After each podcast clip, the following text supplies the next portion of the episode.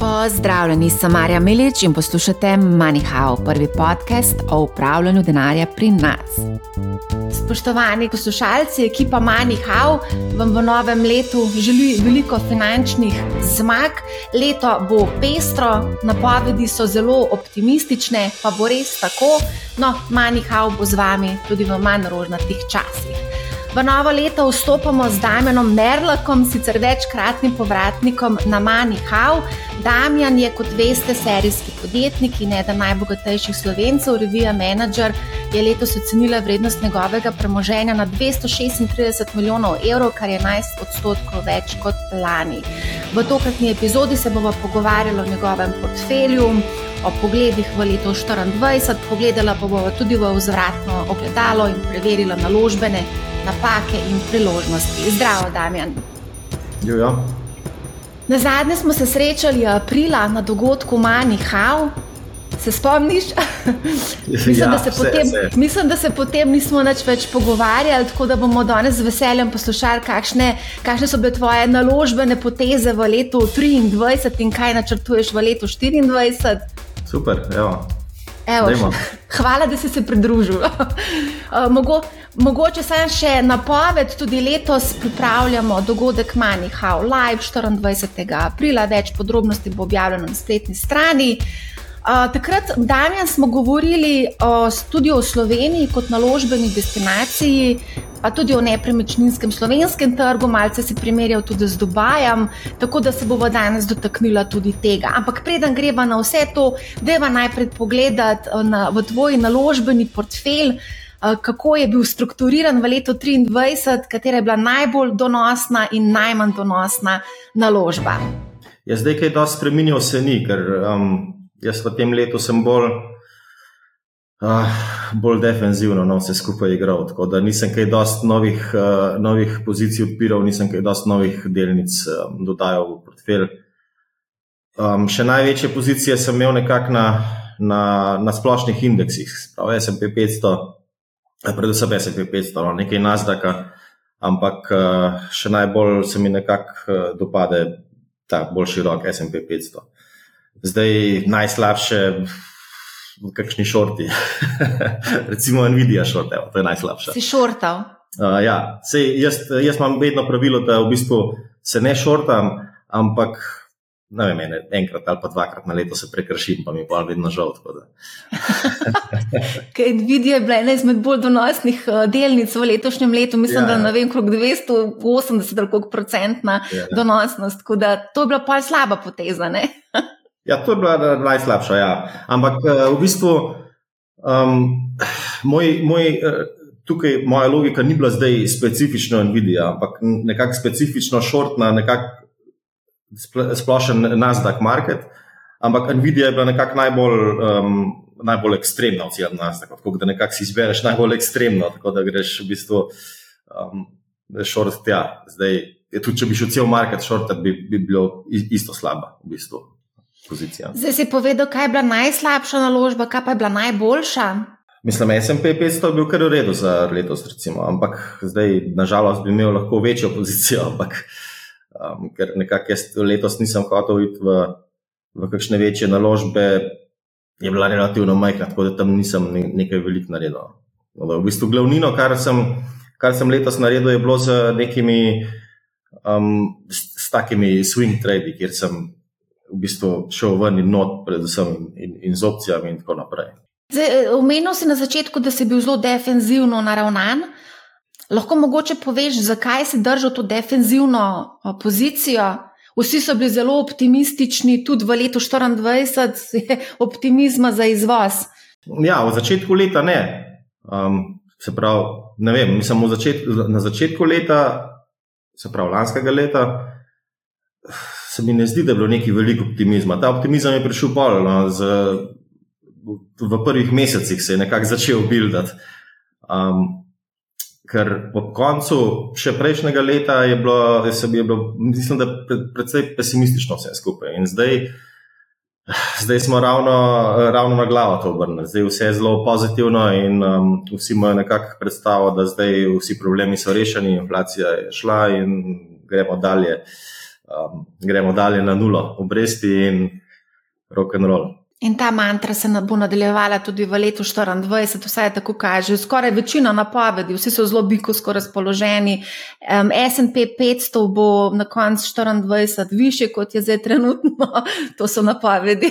Da, kako pa ti gledaš na SP 500, glede na to, da si bil najbolj izpostavljen do tega? Ob koncu leta bo više ali bo nižji? Mislim, to je zdaj tako, treba je gledati malo relativno. SP 500. Um, trenutno je, ne vem, tam tam, all time high, nekaj više. Ne? Ampak uh, od takrat, ko je bil zadnji all time high, je inflacija 30 odstotkov, ali ne vem, 20, 30, ne vem, kje smo točno zdaj. Um, tako da v bistvu SP je 30 odstotkov niže, kot je bil takrat, realno gledano. Um, in zdaj, ok, zdaj, zdaj številke inflacije niso več v vem, 10, 7 takih odstotkih, ampak še vedno so nekaj odstotkov. Tako da SP 500 mora vseeno dobiti še 21 odstotkov, da bo sploh na realno v time high, kar se tiče nekih realnih vrednosti. Um, zdaj, jaz, jaz ne vem, jaz nisem, jaz mene malo vseeno, imam malo pomisleke, glede na to, da je Fed zdaj začel govoriti o tem, da um, bodo zniževali obrestne mere, oziroma namigovati na to. Jaz ne vem, jaz mislim, da je to malo napaka, da se o tem sploh govori, ker, ker bi lahko tudi, če o tem razmišljajo, vseeno bili malo počakali z, z temi namigi in vsem, preveč optimizma ulivati v market, to v bistvu potem samo po sebi lahko spet uh, požene na vzgor inflacijo. No. Zdaj, omenil si na začetku, uh, da si bil zelo. Pač beriš, ali kako bi rekla, na Nvidijo. Zdaj, teh veličastnih sedem, teh delnic, tehnoloških, Nvidia, Meta, Alphabet, Tesla, Apple, Microsoft in Amazon, so bili v bistvu letos veličastnih sedem, kako me rečem, so bile top of the top, ne? najbolj donosne in so v bistvu nekako vlek, vlekle cel trg na vzgor. Kako si pa ti gledal na te delnice, konkretno na te delnice? Kaj si misliš o teh delnicah? In ali je še prostor za rast? Te delnice so, mislim, te delnice so že veliko let v bistvu nekako ženejo cel market naprej. Sej, SP 500, če, če odstranimo teh nekaj uspešnih delnic, oziroma če odstraniš te tehnološke delnice, potem SP 500 v bistvu ni naredil nič. Ker, um, ker obstaja tudi indeks SP 500, ki je, ki je enakomerno porazdeljen med vseh 500 firm, ne glede na to, koliko je, uh, kšna, ne glede na njen market cap, in, in tisti, ki je enakomerno porazdeljen, je v bistvu flat, malo gor dol, ampak je približno ista vrednost. Se pravi, cel SP 500 v bistvu ženejo na vzgor um, tehnološka podjetja. No. Ostala podjetja pa relativno stagnirajo. Tako da to se dogaja že precej let in, in eh, to je že ta fenomen Tesla povzročil v prejšnjih letih, ko je Tesla prišla v SP 500 in v bistvu vas sveča teža v SP 500. Um, in jaz ne vem, zgleda kot da bo to šlo še naprej in sploh zdaj AI in um, verjetno bodo še nova podjetja ali pa v bistvu obstoječa podjetja še večji zagon dobila s tem. Tako da ne vem, ne vidim, da bi se to zdaj spremenilo. No, ali meniš, da bodo te delnice še v prihajajočem letu zanimive za investiranje? Boš ti mogoče kaj investiral, razmišljaš mogoče o tem, ali pre, pre, pre, so precenjene po tvojem mnenju? A boš mogoče šortov kakšno? šortov jaz vedno rečem, da ne bom, ampak potem vedno tekom leta me, me premami enkrat ali pa dvakrat. verjetno se sploh ne bom opiral temu, ampak bom sam probal čim manjšo pozicijo narediti. Za, za dušo, ali kaj to. um, A pa to z velik denarja šortaš, koliko je to denarja, koliko staviš recimo na upad? Da je nam številka. Pravi, čim manj, recimo nekaj 100 tisoč evrov. Da ni, da, oh, 100 tisoč evrov. Ja, um, sam sem to, da, da imam občutek, da, da, da, da stavim v klopi na čemu, da, da nisem samo za. Ja, v redu, ne, če, te to, če te to dela živega. ja, ne, meni, eh, jaz nisem uh, tako a priori. Jaz sem tudi v preteklosti velikrat imel, recimo uh, Google in, in, in Tesla in take delnice, um, večkrat long kot short. No. Um, samo trenutno, trenutno nazaj, nekako v zadnjem letu se nisem upal v bistvu sem imel tako mnenje, nekako tako občutek, da je vse en, vse en, precej na tržnih temeljih, vse skupaj. In nisem šel v, v market, ne glede na to, katera delnica, ali so to zdaj tehnološka ali SP 500 ali karkoli. Ko rečeš, da si investiral v SP 500, kaj to konkretno pomeni, da si kupil ETF ali da si kupil O? Ja, futures, načeloma, jaz večinoma s futures, ja, to počnem. Lahko bi tudi lahko... ETF, ni bistvene razlike, no, ampak vem, če, če si enkrat v, v dovolj velikih zneskih, je malo bolj praktično, futures pa še um, ceneje je, nekako niže provizije pridejo. Z davčnega vidika mogoče za slovence ni najbolj optimalno, ker to je iz, ja, izvedeni zdaj, finančni je, no. No, je to še vedno vse isto, kot je bilo izvedeni finančni inštrument, ali se kaj ja, ja. spremeni? Ja. Žal se noč ni spremenil, da je pri nas. Ja. Mislim, samo gor grejo obdavčiti. Ne, ne bom. To ni, um, niti se o tem verjetno nihče ne sprašuje, ker niti nihče ne ve, da to sploh obstaja. Ja, verjetno je zelo majhen odstotek. Nekaj obdavčitev obstaja in, in to je to neko urazo cel. Verjetno zelo majhen odstotek slovencev v bistvu investira mogoče v futures ali pa neke izvedene finančne inštrumente, bolj so ti ETF-i, delnice, vzajemni skladi. Ja, ali pa sploh ne vejo, da investirajo v izvedene finančne inštrumente. Mogoče tudi to. No. Ja. Se mi zdi, da marsikdo ja, trguje na kakšnih teh bolj um, splošnih, bolj retail platformah. Um, mogoče kakšne CFD-je in tako naprej. In to so vse izvedeni finančni inštrumenti, pa verjetno sploh ne vejo, da je svet. Ja, to pa, ja, to, pa, to pa na e-toru se je dogajalo, da so kupovali CFD-je, pa sploh vedeli niso, da so kupovali. A zdaj, ko meniš retail platforme, se tudi Interactive Brokers, preko katerega ti trguješ, je tudi retail platforma, vse bolj. A, A si mogoče kaj gledal Trade Republic, ki je tudi v bistvu zdaj kar precej popularen med slovenci? Ne, ne, nisem. A si bil kaj mogoče pozoren na obrestne mere, ki jih ponujajo um, v bistvu brokeri, tudi zelo stimulativne za neinvestiran denar? Ja, vem, da Interactive Brokers ponuja zelo redo. No. Zdaj ne vem, kaj ponujajo drugi, ampak um, jaz nisem zdaj, da, da bi glavnino sredstev predstavljal od jaz zaradi tega, ker, uh, ker ponujajo dobre obresti, ker um, imam v bistvu tista sredstva, ki nimam investirana, imam v money market fundih, tako da tam dobim tako približno take obresti, kjer investirajo ta sredstva v, v te res short-term um, short obveznice ali pa uh, podobne inštrumente. Se pravi, ti nimaš v bistvu prostor razpoložljivih sredstev, da bi ti denar ležal na računu, to imaš vse investirano v nek money market fund. Um. Ja, ja vsaj, vsaj v money market fund, če ne, če ne drugo. Ja. Tako da bi na bančnem računu bili tam neka sredstva, konkretno tega ni. Eh, zdaj, ko govoriš o tem denarnih skladih, to verjetno nekje v tujini, preko kakšne banke investiraš. Um, a si pozoren na njihovo strukturo, v katere um, te inštrumente oni investirajo? Um, jaz pa mi tako v dolarjih uh, večino, tako da to, to je vse v trežerjih. No, to je v bistvu pač, recimo temu. Konzervativna naložba. No? Kakšen je pa tvoj pogled na, na konzervativne naložbe, na obveznice so bile zelo velik hit, zakladne menice so bile zelo velik hit tudi med slovenci.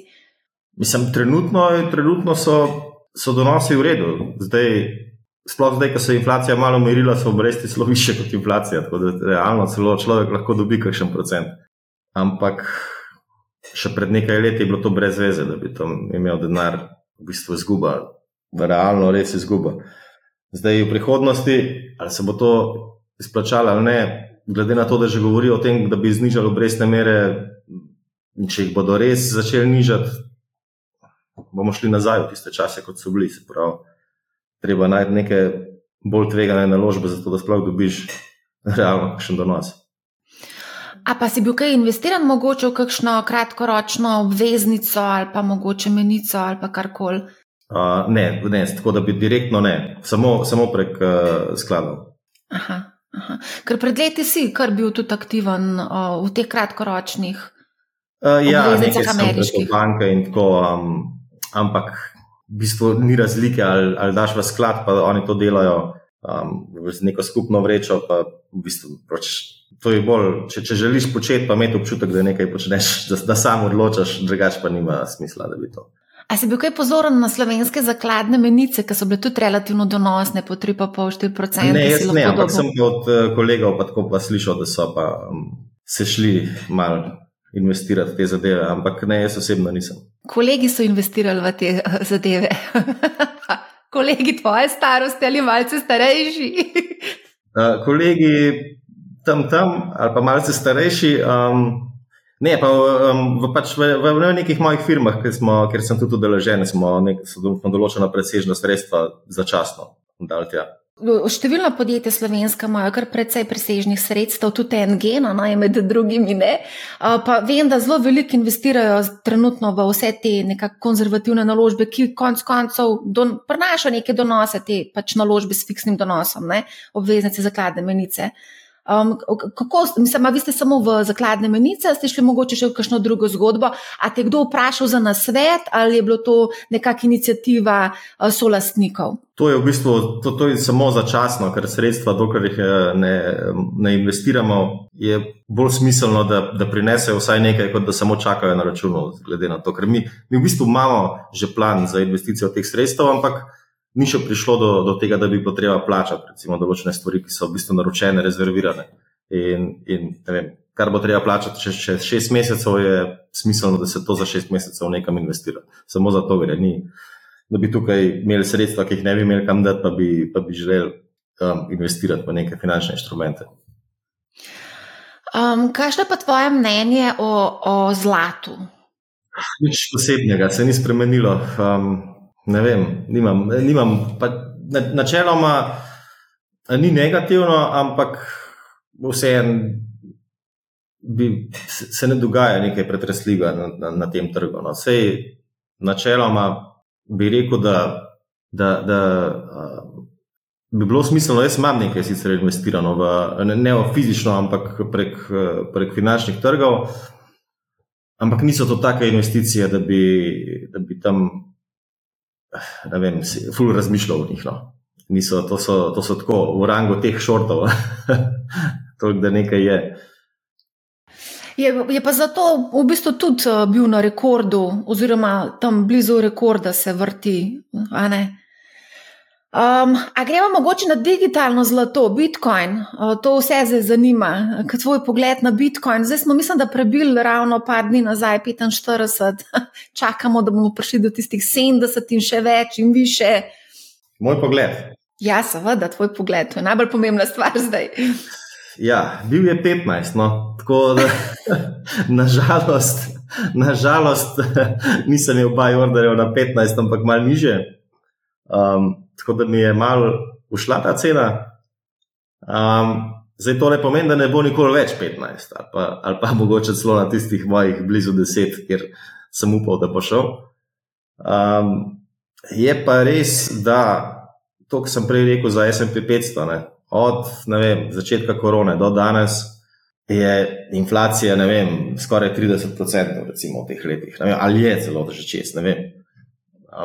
Ker gledam za Ameriko, pri nas verjetno že je, se 10 odstotkov, že nekaj let se že nabere. Um, in v bistvu to je tudi treba gledati na tej ceni. Zdaj, od trenutne cene vzameš 30% stran in, in je ekvivalentno tisti ceni na začetku, ne vem, korone. Ne. Tako da hočemo reči, da tistih, če sem recimo upal, da bo 10 bi zdaj, recimo, ga verjetno kupil na 15, če bi bil. To bi bilo približno isto, ne? prilagojeno za inflacijo. Um, kaj pa bo naprej? Bitcoin je nepredvidljiv. To je v bistvu. Jaz dolgoročno verjamem, da, da bo pridobival na vrednosti, ker je nekako, po mojem, da potreba potem bo vedno večja, ker tudi države bodo bodo vedno, vedno bolj nekako represivne, kar se tiče financ in denarja in vsega skupaj. In vedno več, vedno več ljudi bo imelo nagnjenje k tem, da, da, da, da, svoj, da svoje sredstva nekam umaknejo. To, to je v bistvu moj pogled, kar daje vrednost Bitcoina. To je v bistvu edini. Edini asset, kjer lahko dejansko izstopiš iz tega sistema, posod druge si ujetnik lahko nekoga ki se odloči, da, da, da nisi kul, cool, pa ti lahko vse zaplene. Razen tukaj... ki ne more. In na svetu bo precej ljudi, ki bodo dali precej vrednosti na to. Um, ja, se tudi, če imaš na kakšni kriptomenjalnici, uh, ki se odloči, uh, da bo kakšna vlada malo bolj podrobno gled vzela, a ne tudi ti lahko mogoče. Tam ne smeš imeti, ne, tukaj spet treba malo po pametno ravnati, moraš imeti, moraš imeti v svoji lasti. To, to je tako kot zlato, če imaš zlato te goldbagi vedno govorijo, če ga, če ga nimaš fizično, potem ga nimaš. Um, to je ista, ista zgodba. Če nimaš fizično bitcoinov pri sebi, potem jih dejansko lahko nimaš na neki točki.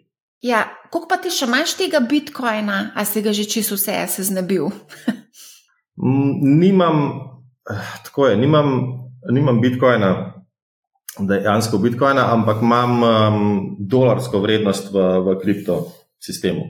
Ker um, sem takrat, ko sem prodal, sem prodal, ampak nisem nikoli tega denarja vrnil iz, um, iz sistema. In zdaj to imam v obliki ali, ali stablecoinov, oziroma najraje imam v obliki, da imam dejansko bitcoine v svoji denarnici in potem ekvivalentno short na futuresih, bitcoin futuresih. Tako da imam v bistvu dolarsko vrednost vedno enako, samo nisem izpostavljen nobenemu third-party risku. No. Razen tisto, kar moram imeti na exchange, da ohranjam margin requirement.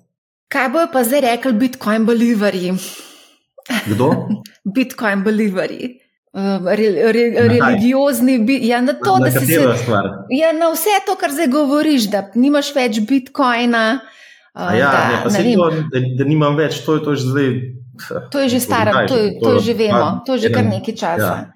Mogoče, se, mogoče pa marsikdo razmišlja, da si se vmes malo premislil, pa da si uh, investiral v Bitcoin. Čeprav to se prav spomnim, ker ja, si rekel, bi, da si. Pri 15 bi mogel, ampak nisem, ker pač vseeno imam neke, ne, neko cifro, moraš imeti v glavi in tam, tam imaš postavljene orderje in če do tiste cifre ne pride, ne pride, ne moreš vedno zadeti.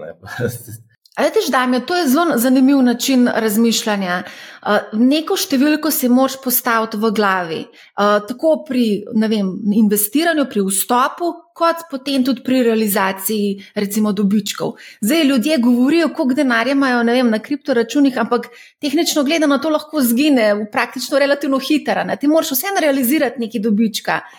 A, ne? A se strinjaš? Ja, mislim, jaz, jaz skoraj vedno, no, ko neko stvar kupim, imam tudi v glavi, ki jo želim prodati. In, in skoraj vedno tudi postavim že order, takrat, ko, ko kupim, postavim order za prodajo. Ne vem, je to 20, je to 30, je to 100 odstotkov više. Kjerkoli že je, ga postavim, zato ker lahko se to zgodi vmes, ko si na dopustu, lahko pride do ene špice. Um, če, nimaš, če nimaš orderja postavljenega, no, zamudiš lahko marsikatero priložnost. O tem smo že ful velikrat govorili, v bistvu ti si velikrat govoril, ampak se mi zdi, da še zmeraj ljudje nekako fantazirajo o ne vem, tem, až ta psihologija. Uh, psihologija malih vlagateljev, kaj pa če bo še rasel, zom pa je izstopil in kar držijo, držijo, držijo, in potem se sesuje, to sploh v kripto na svetu.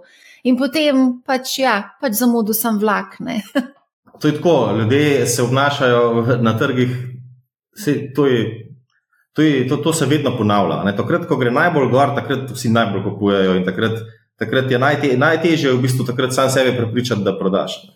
In takrat, ko gre najbolj dol, je, je najtežje sam sebe prepričati, da kupiš. Ampak tisto, kar je najtežje narediti, ti si ponavadi najbolj pravilno odločitev. To zdaj v bistvu govorim zaradi solane. Ker solana je eksplodirala, cv, gor je šla. Ne? In zdaj, recimo, danes gledamo, da je bila 12-odstotni upad, recimo. oziroma, to gledam v evrih, v dolarjih, 13. No. Ne? Nisem nikoli spremljal solane. Solane nisem nikoli. Kaj pa etra, si kaj spremljal eter? Mislim, vem, da obstaja, vem, vem, vem kaj se da tam početi. Eh, programiral sem kakšne stvari tam, ampak uh, tudi imel sem ga kdaj. Um, nisem pa, jaz pogledam Bitcoin ceno in imam občutek, kje se kriptotrg nahaja. Zdaj, kaj se pa na teh posameznih segmentih, teh mini, mikro zadevah dogaja, pa ne spremljam. Um, se pravi, kako pa misliš, da bo halving vplival, razpolo, razpolovitev nagrade vplivala na ceno bitcoina? Nekateri pravijo, da se lahko pospe bitcoin do 100 tisoč in več, in še više. Lahko se pospe do 100 tisoč, vse to niti ni, vse 100 tisoč je samo 100% više od trenutno, približno. Um, to, to, po mojem, za večino vlagateljev v bitcoin je brez veze, 100 tisoč. Ne, um, ja, 100 tisoč, večina. večina računa na tisoč procentov, deset tisoč procentov. A niso ti časi že mal mim? Ja, po mojem, da so, ja, ampak vseeno, ljudje so to videli in ljudje to še vedno pričakujejo. Ne.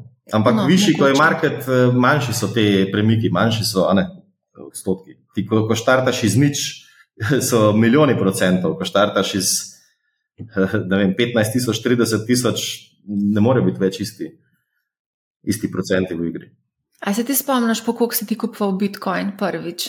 2 dolarja, Mislim, pod 2, potem je šel na 20, pa sem jih prodajal. No. Um, kaj pa praviš na ta ETF sklad, ki prihaja, vezan na Bitcoin, Ether, ki govorijo, da bi ja, mislim, veliko se govori o tem, veliko je, velik je hype, velik, um, ljudje veliko pričakujejo od tega. Samo jaz to tako vidim. Večina ljudi katera ve, da računalnik obstaja, pa ve, da internet obstaja, ve tudi, da Bitcoin obstaja. Zdaj, jaz, nismo več v tistih časih, ko polovica populacije ni še slišala za Bitcoin ali pa 90% populacije. In pa si lahko predstavljaš, ko bodo vsi enkrat vedeli za Bitcoin, pa če vsak, vsaj vem, 100 evrov da v Bitcoin, je to vem, eksponentno višja cena. Um, z, malo ljudi je, no, po mojem, ki jim Bitcoin ETF bistveno olajša kakšno stvar oziroma bistveno olajša nakup. Razen v Ameriki, te, ki imajo te pokojninske 401k in te zadeve, ok, to, tam je razlika, ampak zdaj, koliko ljudi bo dejansko te svoje pokojninske prihranke dajalo v Bitcoin, bomo pa videli. Pa tudi Bitcoin trg je zdaj res že toliko velik, da, da morajo biti ogromni zneski, da se, da se res pozna nekaj. Ne? Um, a te kaj preseneča, da ni bilo nobene reakcije, ko so uh, ustanovitla um, Binance uh, nekako stisnili v kot? In ni bilo nobene reakcije na trg. Jaz pa nisem za to zvedel, takrat, ko se je to zgodilo. Jaz sem to tako kar malce kasneje v bistvu to novico prebral. Ne vem, ne vem, ali sem kje bil, pa nisem sledil takrat, ampak uh, me je presenetilo, tako čaka. On ni več sijo. Ampak uh, ja. Glede na to, da se ni nič zgodil, pa da ni bilo reakcije, jaz pa opazil, nisem, da se je kaj zgodilo. Tako da me ni presenetilo, ker nisem opazil. Mislim, te res ni presenetilo. Zelo presenetljivo ja, da, ne, da, da, da, da se ni, da niti ni bilo opaziti, niti, niti očitno. Um, če, bi se, če bi vsaj market reagiral, pa bi se cena bistveno spremenila, bi verjetno vsaj kakšno novico prebral, kaj se dogaja. Ampak ker se niti market ni premaknil, niti nisem pogledal, če se kaj dogaja, in niti nisem niti te novice um, dobil, da, je, da ni več. Ja.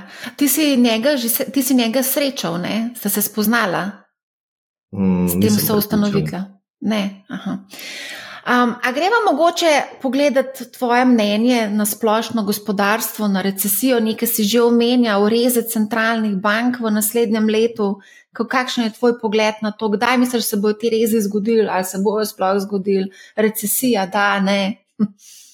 Ja, jaz, kot sem rekel, zdaj um, malo mal, mal čudno mi je, da v bistvu centralne banke sploh operirajo s temi izjavami, da govorijo o resih, ker ne vem, kaj, kaj je smisel tega, če, če niso dokončali svoje naloge za inflacijo. Kljub temu, da se zdi, da smo na koncu, je lahko ta zadnji procent uh, bistveno bolj um, problematičen, kot pa mogoče pet prejšnjih. Zdaj, in s temi izjavami samo dajo zagon, v bistvu um, zagon trgom navzgor, kar se zdaj dogaja.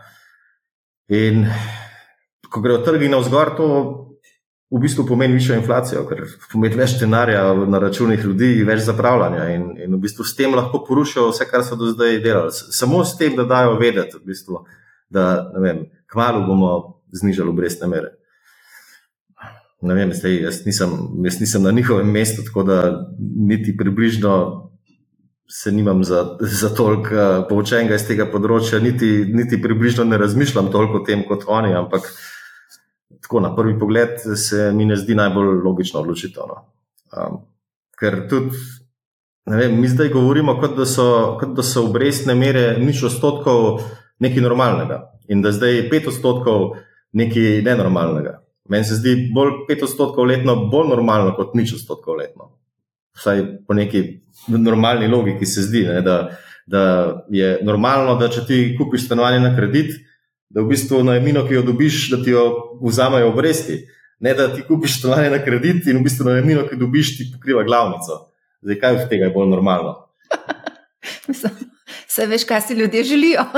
ja, ampak kaj je normalno? Je kaj normalno, ne vem, kaj je več normalno. Mislim, da živimo v tako nenormalnem času zdravo, zdravo, ja, to pa je. Ja. Uh, normalno pa ne vem več, kaj je. Tako da uh, tudi trenutna situacija ni normalna. Imamo dve, imamo dve vojni, ker se dejansko ljudje streljajo in pobijajo. Tudi ja. to ni normalno, verjetno za 21. stoletje. Kako pa misliš, ja, da je ta geopolitična trenja? Za 21. stoletje, recimo, ja, zgodovinsko gledano je kar normalno. Ampak, Aj normalno. Ja, mislim, vedno, ja. ne vem, kdaj ni bilo vojne, ampak ni pa zdravo, ja, recimo tako. Ja, mogoče smo se navadili na ta mir, ki je bil dolga desetletja, zdaj pa ja. imamo dve vojni, Ukrajina, Bližnji vzhod. Kako pa ti gledaš na ta geopolitična trenja? Um, kako vplivajo, kako misliš, da bi to lahko vplivalo naprej na trge? Videli smo, da pač nekih reakcij tudi na vojne ni.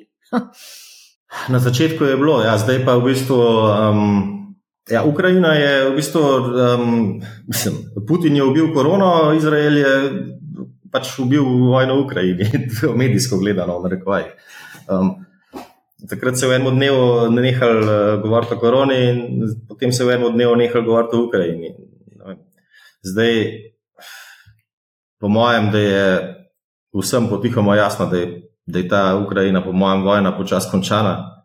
Zdaj, jaz tega toliko ne spremljam, da bi vedel, kako, ampak glede na to, da je tam nek. Uh, da se, da se toliko malo uh, to spremlja in toliko malo govori, je verjetno iz, iz nekih krogov stvar, stvar zaključena. Zdaj, samo kako se bo zaključilo, tega pač bomo videli. Um, da bi to imelo neke vplive zdaj vnaprej, jaz, jaz ne vidim. Jaz, če, se bo, če se bo začela kakšna nova zadeva, ampak obstoječe zadeve, um, se mi ne zdi, da bi vplivali bistveno na kakšne trge. Veliko se je govorilo o cenah energenta, o plinu, nafti. Kako si ti spremljal ta trg, te energente? Si kaj mogoče investiral, kaj špekuliral? Ne, ne, nisem, ker sem v bistvu že kar investiran z, v obliki engina na energetski trg. Tako da um, izvem, pa nekako dobim občutek o trgu iz tega področja prek, prek te investicije. Tako da ja, mislim, bilo je eno leto, je bilo kar noro, no, kar se tiče energentov. Um, tudi uh, električni trg, trg elektrike in uh, zemljski plin in uh, nafta, in vse, vse se je zelo premikalo. No. Um, potem so tudi države posredovale in mi imamo še vedno razne ukrepe, kjer se v bistvu cene regulirajo in tako naprej. Tako da Veliko se je dogajalo, zdaj je nekako precej umirjeno in na fronti inflacije, in na teh energetskih trgih. Ampak ta mir, vedno je tako, no? vedno, vedno, vedno vse skupaj zamaje nekaj, kar, kar ljudje ne pričakujejo. Tako da v bistvu to, kar je lansko leto vem, zamajalo trg, ne bo naslednje leto zamajalo trga. Ampak vedno, vedno bo nekaj novega, kar nihče v bistvu ne pričakuje. Ker tisto, kar pričakuješ, na to si pripravljen, tisto ne bo šokiralo nikogar. Zdaj, ki si rekel, da si do tega sektorja izpostavljen preko en gen, a ti recimo, ko gledaš na svoj portfelj, pa rečeš, ok, zdaj se do tega sektorja sem izpostavljen nadpoprečno, pa v bistvu ne spremljaš, a pa ne investiraš, recimo na borzi, konkretno v. v... Jaz na borzi se tako res zelo fokusiram, predvsem na, um, govorim zdaj, recimo v zadnjem letu, pa verjetno bom to počel tudi naprej, bolj na indekse predvsem SP 500.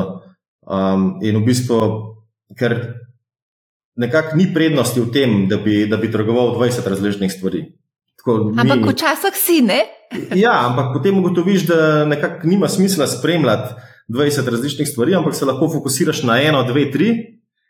In, in v bistvu imaš res dober občutek samo za to eno, dve, tri stvari, ki se nahajajo, ali so, ali so trenutno vroče, ali, ali ljudje morda so preveč pesimistični in tako naprej.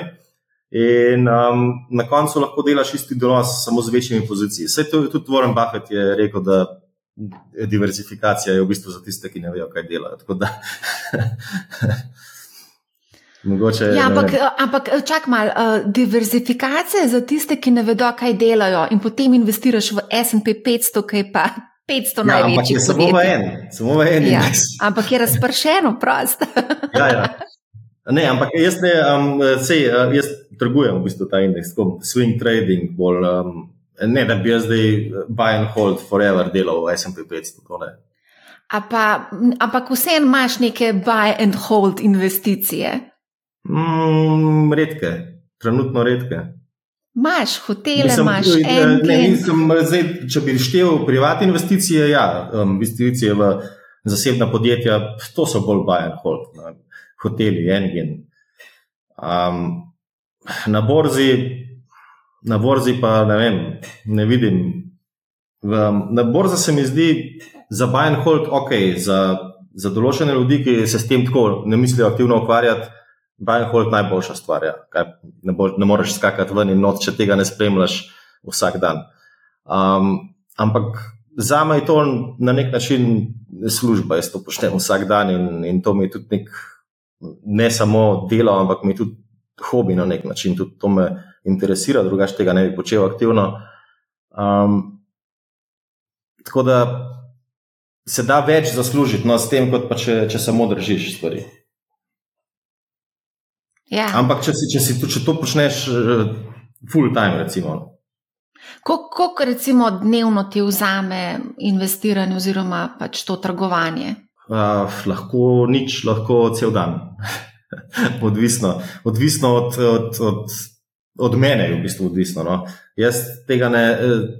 Marsikdo si predstavlja trgovanje, eh, nekateri, predvsem, si predstavljajo daily trading. Ne? Jaz ne delam daily trading. Ljudje si predstavljajo, da ti sediš pred grafom in zdaj gledaš ta um, um, vzorce in rečeš, da zdaj bo šlo gor, zdaj bo šlo dol in potem kupuješ in prodajaš. Uh, jaz tega ne delam. Jaz, jaz vse baziram na tem, da če želim biti cel teden fraj in ne pogledati uh, marketa, lahko ne pogledam marketa, pa bo vse v redu. Ej, kako si pa? Pozicije, ne vem, odprte, ordere postavljene, tako naprej, nekak, da, da, da so stvari toliko mirne, toliko stabilne, da ne, ne, ne rabim biti vsak dan z računalnikom, pa vsak dan nekaj prilagajati, spremenjati. Jaz samo spremljam, kaj se dogaja vsak dan. Ne, ne tradam vsak dan, ne, ne predstavljam orderjev, ne odpiram novih, zapiram. Samo spremljam, kaj se dogaja, gledam novice. Tako. In zdaj to je težko vrednoti, zdaj koliko ur. Koliko ur dejansko na dan konzumiram te zadeve. Mislim, če spremljaš trg, potem verjetno kar nekaj teh novic prebereš na dnevni ja, bazi. To je tako, ko počnem lahko druge zadeve, pa imam zraven odprt tudi vem, eh, grafe, pa, pa na vsake tok časa zamenjam teb, da vidim, kaj se dogaja. Pa imam pa še v ozadju mi še CNBC, pa, pa, pa slišim, če se kaj dogaja, pa kaj govorijo. Tako, multitasking. Multitaskaš, kar pa ni glih v moški domeni, ampak kako je to, je, to je s kakšnim psihologom mogoče. Uh, je, koliko pa recimo imaš uh, uh, velike pozicije, koliko recimo stavaš na eno pozicijo? A to govoriva več sto tisoč evrih ali mogoče milijonskih zneskih, ki si rekel, da ja, ne? Pač... Mislim, SMP milijonskih zneskih, ja. Um, v milijonskih zneskih. Ja, tudi več deset, ja. A recimo, ko ti zdaj trguješ teh 10 milijonov in več, ali pa manj, a, imaš, a te kdaj stisne pri srcu, ne vem, lahko gre tudi full dol, mislim, dobro, zdaj pa resen pil, mislim, ja, gor. Jaz sem 500, če se zgodi ne vem kaj, pa gre dol 20 odstotkov, bo že vse narobe na svetu. Da, če imaš 10 investirano, si imaš še vedno 8, pa svet gori. Kako pa na letni ravni, recimo, ustvariš dobička iz tega trgovanja? To je zelo različno, ker v preteklosti sem delal na posameznih delnicah, um, zdaj letos sem se bolj držal samo SMP, tako da težko, težko primerjam te stvari. No. Na nekih delnicah sem naredil precej, lahko tudi 100 odstotkov letno. Um, potem pridejo pa nekatere nič, nekatere je tudi minus, zdaj povprečje, povprečje pride. Jaz, jaz eh, nekako ciljam nekih 20 odstotkov letno no, na, na povprečje in to približno, približno zdaj presegel, kaj dost, nisem še nikoli tega 20, sem pa zelo blizu, no? večino, večino teh let. Uh, kakšen benchmark je SP? Ne, benchmark je 20 odstotkov letno. 20 plus, 20, ja, na, ja, 20 odstotkov letno je tvoj benchmark. Veš, zakaj te sprašujem? Zaradi tega, ker sem se pogovarjala z Juretom Ogovškem, ki ocenjuje vrednost pač, premoženja najbogatejših. In vemo, da pač ti poveš, kakšen je tvoj portfelj, razkriješ vse te stvari. Um, Pa me pač sem tako zanima, ne, kako, v bistvu ti, kako v bistvu oni vrednotijo to tvoje premoženje, kako ti v bistvu vrednotiš svoje premoženje, kako ga plemenitiš konc koncev. Ne. Ne, ja, oni, um, zdaj, v, v zadnjih letih oni mene kontaktirajo v tistem času, ko delajo lestvico in potem Um, potem me malo vprašajo, in jaz, jaz njim pošljem določene podatke o stvarih, ki jih oni mogoče sami, mislim, ki jih definitivno sami ne morejo iz, iz nikjer dobiti. Um, ampak se je pa to spremenja, ja, ker jaz sem recimo določene stvari, ne vem, recimo dve leti nazaj sem imel predvsej sredstev v um, recimo money market fundih, pa tako, ker sem imel še neinvestirano, potem je to veliko šlo v recimo privat investicije um, nekaj tudi v delnice, in, in se ti v bistvu procenti zelo spremenjajo, no, koliko je v kakšnem segmentu, koliko je v, v teh denarnih sredstvih, koliko je v delnicah, koliko je v zasebnih podjetjih. Zdaj ne vem pa, kako oni potem. Jaz, jaz njim samo posredujem, kar me v bistvu vprašajo, tako na splošno, koliko imam, recimo, v portfelju. Um, ne vem pa, ali oni kaj s tem potem naredijo, ali kaj prilagajajo. Vem, ali oni sami vrednosti podjetij potem še naredijo, ali to pa ne vem. Ker jaz sploh ne vem, sploh nisem, ne vem, kakšna je lestvica letos, nisem pogledal. Ali so, ne vem. Uh, ja, 236 milijonov, zdaj na katerem mestu si pa ne vem, mislim, da na osmem. No, in to, ja, mislim, ne vem, moral bi pogledati, ali, ali so to kaj je sami izračunali, ali, ali so um, na podlagi mojih podatkov. Ne vem, ne vem. Kako so pa hotele oni vrednotili, to si mogel ti postati vrednost uh, hotelov? Jaz jim pošljem, jaz, kot sem rekel, jaz pošljem uh, vem, port, port, portfelj, recimo vrednostnih papirjev, take stvari, in pa tudi uh, ne vem, nepremičnine. Pač, pošljem tudi mojo vrednost, zdaj ali oni mojo vzamejo ali svojo vzamejo. Ne vem, ampak jaz, jaz moje vrednosti, jaz, jaz tam več ne računam. Jaz samo pošljem nek, neko tabelico. Um, in te vrednosti so to, ko sem jaz za njih plačal, ni zdaj, da jaz tam nekaj vrednotim ali to pač me ne zanima. Ne, ne ukvarjam se toliko s tem, da bi, ne vem, verjetno so mogoče še več vredni zdaj, danes. Kdo pa ti vrednoti premoženje? Ker si rekel, da imaš v Excelu neko tabelico, ne, ne, to, to, to imam sam, se znam. Aha, ampak imaš pa kdo pa ti ovrednotil, ne, mislim, ti ovrednoti nek strokovnjak. Nabavna. Ja. Iz leta 2018. Aha, ok. Zdaj, ko smo se dotaknili malo nepremičninskega trga, kako zdaj, zdaj ma, vem, v Portugalsku se trenutno nahajaš v svoji hiši, vem, da imaš hišo v Dubaju, nekaj imaš na Hrvaškem. Če se prav spomnim, potem hotele v Bohinju, aj še kaj novega v tvojem portfelju nepremičninskega?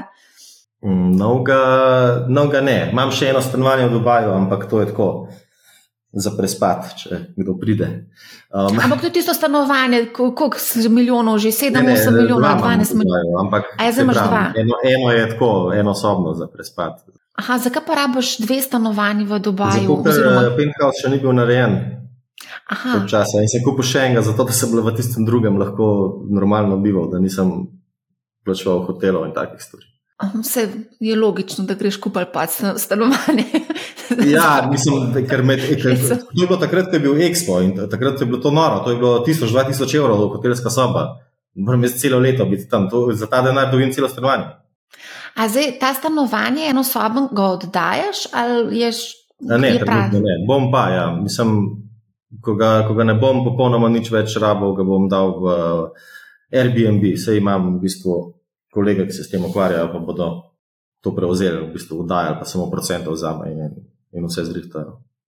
V Sloveniji imaš kakšno nepremičnino, poleg eh, Portoroža, pa ne. še kakšno novo? Ne. Ne, ne, ne, ne. Zdaj, kar nekaj teh novograden, luksuznih, nadstandardnih se je prodajalo v Sloveniji, tudi ja, kar nekaj kriptovalut. Za visoke cene, tudi nekaj kriptomilijonarjev je kupovali te stanovanja, nekateri kriptomilijonarji so gradili ta stanovanja, tako da kar nekaj kriptodenarja se je preselilo na nepremičninski trg. Mogoče komentar tvoj, te neč ne preseneča? Ne vem, nimam mnenja. Sej, a, vem, da že, mislim, kar nekaj tega denarja si že pred leti v bistvu investirali v nepremičnine. Ampak ne, zdaj jaz ne poznam točno primerov. Vem, vem za šumi, um, da so, ker osebno poznam, um, da so zraven, um, za ostale pa ne vem, kdo je kupoval kakšno stanovanje. Ja, tudi tvoj uh, ex, uh, solastnik. Uh, Bit stempa je kupoval, oziroma celo mislim, da bo gradil. Ampak, v redu. Ja, to, sem, to vem. Ja. To si zasledil, ne? Ja, ja. Um, a lahko samo večkrat skočiva na Discord, ker te ljudje sprašujejo. Um, in sicer, okay, za Bitcoin si povedal, kakšno je tvoje mnenje, um, ali bo pohlep pognal vse v nebo, sprašuje eden od naših članov. Um, ja, pohlep je kar močna zadeva. Tako pohlep zna pognati vse v nebo, ampak nikoli ne veš, kdaj to eksplodira. To, je nepredvidljivo. To se lahko zgodi jutri ali pa čez pet let. A misliš, da smo zdaj v tej fazi? Gore, da bo, samo kdaj to, pa ne vemo. A smo mogoče zdaj malo pohlepni, pa preveč optimistični? Ne vem, če preveč. Če, če, če se bo vse, trenutno je tako, če se vse izide top, brez, brez problema, potem smo realni. Um, če se pa kakršen koli problem pojavi, potem smo preveč optimistični, pa preveč pohlepni. Zelo veliko vprašanj je za tebe prišlo vezano na Kitajsko. Imáš kakšno mnenje o Kitajski? Ja, izogibati se. To je, mislim, to je moje pravilo, ker se ga držim že vse čas, ker eh, ne investiram, vedno sem se izogibal, ker eh, Kitajska je tako, jaz še vem iz časa Bitstampa, pa iz časa, um, iz časa, ko sem bil upleten v kriptovalutah, pa ko smo imeli konkurente, kitajske exchange in vse to na kitajskem, to je bilo vse fake, volume fake, eh, bilance fake, vse je fake. In koliko je bilo prevar na Wall Streetu, ko so bile fake kitajska podjetja zlistana na, na ameriških borzah, kjer so v bistvu dobesedno priharjali vlagatelje celega sveta z nekimi fake podjetji, ki sploh niso obstajala. Um, in, in To, vem, to je pač neka, ne, nekaj normalnega tam in, in zato se jaz najraje izognem, ker, ker ne moš vedeti, kaj, kaj je res, kaj ni. Um, super volilno leto je, pred, oziroma je letos, štr, leta 2024, preko 40 držav bo imelo volitve, vključno za Ameriko. Kako ti gledaš na te ameriške volitve in pa na vpliv na trge? Se boš kaj posebej pripravljal, mogoče? Ja, mal, ne, posebej se ne bom pripravljal, ampak je pa da zna biti nek vpliv, ker vse trenutna administracija bo naredila vse, da, da se stvari čim bolj izpeljajo do volitev. Ne. To je treba vedeti, ker če pride do, do kakršnih koli zlomov, kakršnih koli problemov, to, de, so to definitivno minus točke za, za trenutnega predsednika. Če je, treba, če je treba kupiti s prihodnim denarjem, je treba narediti vse za to, da trgi čim bolj stojijo do volitev. Še eno vprašanje vezano na BRICS. Imáš mogoče mnenje o BRICS-u? To je že tako stara zadeva, da sploh ne, ne vem. Jaz se spomnim, da je že iz osnovne šole ta BRICS, BRICS vzajemni skladi. Pa. Ja, sem to so za neki po, povečali se število članov v tem BRICS-u, BRICS communityju, so še ja. drugi zdaj noter v tej zgodbi. Se govori pa o tem, pa kako bodo vem, pa svoje valute, pa svoje plačilne sisteme in tako naprej. Vem, lahko se, jaz to tako vidim, veliko se lahko govori, ampak še zmeraj ti mora Amerika to dovoliti. Kar pa ti lahko narediš marsikaj, ampak ti morajo požegnati stvar. Mogoče potencial za dolgoročno pozicijo, če imaš kakšno idejo za dolgoročno pozicijo. Zdaj iz glave, da bi dolgoročno pozicijo. Um, kaj pa vem, kakšen indeks, SP 500, dolgoročno. Ampak to je. Ne, vem, ne morem zdaj reči, da to priporočam, ampak to mi je edina stvar, ki mi trenutno pade na pamet. Da bi od posamezne delnice, če bi moral izbrati posamezno delnico, eno od tehnoloških, verjetno.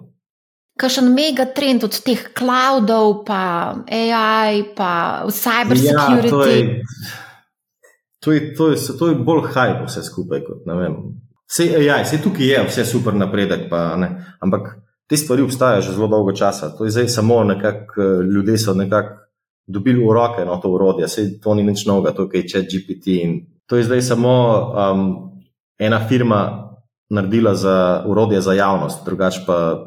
Pa malo porinila stvari naprej, ker velike firme si tega niso mogle privoščiti, da bi dal ven neko urodje, pa potem pride mal napak, pa kakšna stvar na robe reče. En startup si pa to lahko privošči, pa da ven, pa je, ne, pa je car. Um, Definitivno se pa tukaj ful dogaja, zdaj vem, lahko dolgoročno se. Kakšen, ne vem, Microsoft, kaj se. Oni so, oni so dosti prisotni na tem, ker so pokupili eh, eh, dosti ključne igralce. In um, bodo verjetno kar, kar profitirali na podlagi tega trenda. Ti tudi razmišljaš o investiciji v Microsoft? Moram te to zdaj vprašati, zakaj si omenil Microsoft. Zdaj bom začel. Evo. Zdaj boš začel. Ja, to sem se zdaj izmislil, to, je, to ni zdaj, da bi imel pripravljen ta odgovor. To sem se zdaj izmislil, tako da zdaj, ko končam, bom šel pogledat, če je smiselno. Če ne, pa zeditirala, pa bom zbrisala, vrsti ja, se ja. hecam. Um, ej, ko ti recimo, ko se odločiš za naložbo, a narediš, pogledaš vse te kazalnike, narediš pač due diligence, narediš domačo nalogo, tako kot mi pravimo.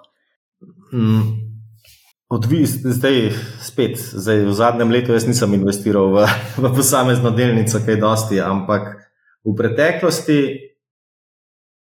Borza je tako zanimiva stvar, ker bolj kot, bolj kot um, predvsem, za, predvsem odkar so obrestne mere nič, bolj kot, uh, bolj kot kazalniki je pomembna neka zgodba. In, in ti imaš firme, ki nimajo nobenih kazalnikov in še dolgo časa ne bodo imeli nobenih rezultatov, ampak imajo zgodbo, na podlagi katere ljudje verjamajo, da bo ta firma čez 10, čez 20 let vem, največja firma na svetu, recimo Tesla je lep primer, ne, kako je šla zgodovina. Če bi, če bi gledal kazalnike, ne bi nikoli investiral v Teslo. To je verjetno res. Um, ja. Kazalniki so pomembni pri tistih firmah, ki so že ustaljene. No. Če investiraš v Coca-Cola, če investiraš v uh, vem, Apple, take zadeve, so kazalniki bistveno bolj pomembni, če, kot če investiraš v firme, ki šele nastajajo. Tako da jaz sem vedno nekako bolj, bolj bil nagnjen k tem firmam, ki še le nastajajo, ker tam so nekako tudi večje volatilnosti in tudi za, za, za trgovati je stvar bolj zanimiva. Tako da kazalnike jaz vidim, ampak mi ne povejo toliko, kot pa nekak potencial firme. No. Um, mogoče za konc, če lahko poveš, um, kako izgleda tvoj dan, kaj počneš, Damjan. Kaj boš počel v letu 2024? Sem malo manj počel. Um, zdaj sem prišel, sem bil v Sloveniji en teden, od Božiča do, um, do konca tega tedna, sem tukaj, potem gremo um, za vikend, gremo smučati nekam, niti ne vem kam. Jaz sicer ne smučam, ampak grem samo zraven. Um, in potem iz smučanja grem direktno nazaj v Dubaj. Tam pa kaj delam, različne stvari ko sem, mislim, večinoma sem z računalnikom doma, to večinoma delam lahko od kjerkoli, drugače pa normalno življenje, se dobiš z nekom, greš nekam, karkoli, odvisno od dneva. A, mogoče še za ljubitelje hitrih avtomobilov je kaj novega v tvojem tem ne, portfelju? No, no, ne, zadnji še vedno ta Bentley. Um, Aha, zadnji Bentley. O, ta Bentley je bil, če se prav spomnim, pol milijona ali koliko je bilo že mm, vrednosti. Ja, malo manj. Ja. Mal manj. Kaj pa še imaš v tem tvojem portfelju avtomobilskem? A kaj še? Uh, ja, Uru sem vam še vedno, Lamborghini. In um, potem BMW Z4, ta je za trgovino in tako, za kakšne z kakšno suho robo na lahko daš streho dol in daš na sedež. Um, eno Teslo imam, tri, ampak ta se bolj uporablja za službene namene. Mislim, ne da jo jaz uporabljam, ampak drugi. Um, to je pa to. Escalade imam tudi še vedno, ki je nekje, v Bohinju je po mojem. Spoh veš ne. Ja, da tu uporabljajo ga za prevoze, vidi, če kakšni Rusi pridejo, imajo radi take SUV-je. Ampak zdaj jih ni več. A, mogoče sem še, sem še za konec. A ti še vedno imaš svoj ta private jet? Mm, najemam. Mislim, imel sem zakupljene, ja, ampak uh, to sem nekako porabil. Um, mislim, ta šer sem uh, pokoristil in potem sem ga v bistvu odprodal in zdaj samo po urah plačujem. Ker pride, pride malo dražje po urah, ampak si toliko bolj fleksibilen, da je vse ostalo brez veze. No. Koliko pa pride to na uro? Uh, zdaj ima, govorim zelo paušalno, ampak tam recimo 5000 evrov na uro za light jet, pa ne vem, blizu 10 za srednji, mid-size, lahko. A to je za najem celega, ne glede na število ljudi? Za najem celega, ja. ja. Aha, aha. Zdaj, koliko ljudi to nima veze, to je cena ista. Ja, ja, ja. No, Ampak to je cena, to je, povedano, to, to, je, to je cena samo za čas, ko letiš. a ne. Ker nekateri, pr- nekateri bodo mogoče zdaj, ki se malo spoznajo, bodo računali, da je to ful drago, da lahko za 2, za 3 tisoč evrov letiš. Ja, lahko, ampak ti računajo tudi, gre avion prazen nazaj, brez tebe, ne, če te pride iskat. Te cene, ki jaz govorim, so samo cene, ko ti sediš v avionu. Ne, neko, neko, neko se on tudi pelje po tebe, recimo, ali pa ko se vrača nazaj, brez tebe. zanimivo. Za naslednjič, ko se bom pelala na dopust. Hvala za to informacijo. Ja, jih imaš tudi v Ljubljani, jih imaš nekaj, tudi slovenci imajo. Vem, vem, naš premijer je najel, uh, kaj Janez let. Ja, tudi, ja, pa mislim, da so tudi neki drugi. so, so, so ti ponudniki, se je vse več takih kot si ti. Ja. Premožnih, ki si lahko prvoščijo, ne? tudi slovencev je kar nekaj premožnih ratal. Sicer je Um. tako, če um, zdaj to se sliši zelo veliko, ampak ta avion gre 12 ljudi, ne? recimo govorimo o tem mid-size. In zdaj, če ti gledaš 12 ljudi, pa če razdeliš to na 12, pa če to primerjaš z neko ne vem, business first class karto, prideš tam tam s ceno. ne. Zdaj, Recimo Tam, tam, dve ja. urni let, naprimer, pride ne vem, manj kot 2000 evrov na osebo. A ti plačaš potem za 12 oseb?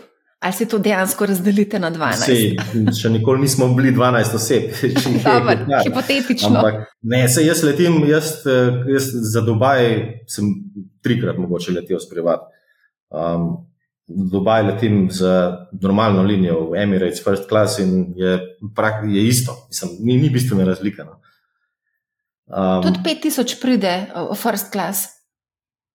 First Class pride 5000 evrov eno smer ja, za Dubaj. Res, to pa je precej zasoljeno, ali? Ja, ampak imaš svoj apartma. Mislim, apartma, tako pač ležiš. ta- Mislim, servis praktično isto se počutiš, kot če bi bil v private. Ni, tako res ni bistvene razlike. Um, za po Evropi pa grem spraviti, ja, skoraj vedno. Ker pa, ker pa ful ni praktično. Mislim, je, je pa ful velika razlika med temi evropskimi notranjimi leti ali pa, ali pa privat. Ja, super, uh, Damjan. Najlepša hvala za vse te zanimive informacije. A boš mogoče še kaj za konec našim poslušalcem in gledalcem povedal, svetoval, namignil? Ja, zdaj bom šel Microsoft pogledat, če, če, če, sem se, če sem mogoče kaj pametnega odkril zdaj v zadnji, zadnje pol ure. Drugač pa ne vem, treba biti pazljiv s pametjo, kaj naj rečem drugega. Super, najlepša hvala, Damjan, za odlično debato. Ja, hvala za vabilo. Čez eno leto ponoviva, ali že prej. Bova že mal prej ponovila, okay. po moje. Hvala ti, no, da si bil danes gost. Tako, prva epizoda v novem letu je za nami. Uh, upam, da ste uživali v tej zanimivi uh, diskusiji. Pripravljamo še kar nekaj zanimivih epizod. Uh, za vse, ki mogoče še niste uh, obiskali našo spletno stran, vas vabim, obiščite mani-how.si. Uh, tam boste našli tudi uh, seznam aktualnih dogodkov. Um, 11. januarja pripravljamo davčno epizodo v živo. Vabim vas, da se nam pridružite. Uh, prosim, pošljite nam tudi vaša davčna vprašanja, davčne dileme. Uh, strokovnjaka bosta z veseljem odgovorila uh, tudi na ta vprašanja. Na začetku epizode sem omenila, uh, da pripravljamo poseben dogodek, Manihau Live v živo, torej prav v živo, v živo, tako kot vsako leto v aprilu in sicer 24. aprila. Več informacij o tem najdete tudi na spletni strani mani-how.si. O vseh ostalih dogodkih boste tudi obveščeni preko spletne strani oziroma same, samega podcasta. Um, obiščite tudi naš uh, Discord kanal, uh, kjer poteka kar taka živahna debata o različnih uh, tematikah, vezano na upravljanje premoženja. Če imate kakršno koli vprašanje, pa mi še vedno lahko pišete na marja, afna, mani-how.si. Hvala, da ste bili z nami, poslušajte Manihau, ne bo vam žal in lep pozdrav!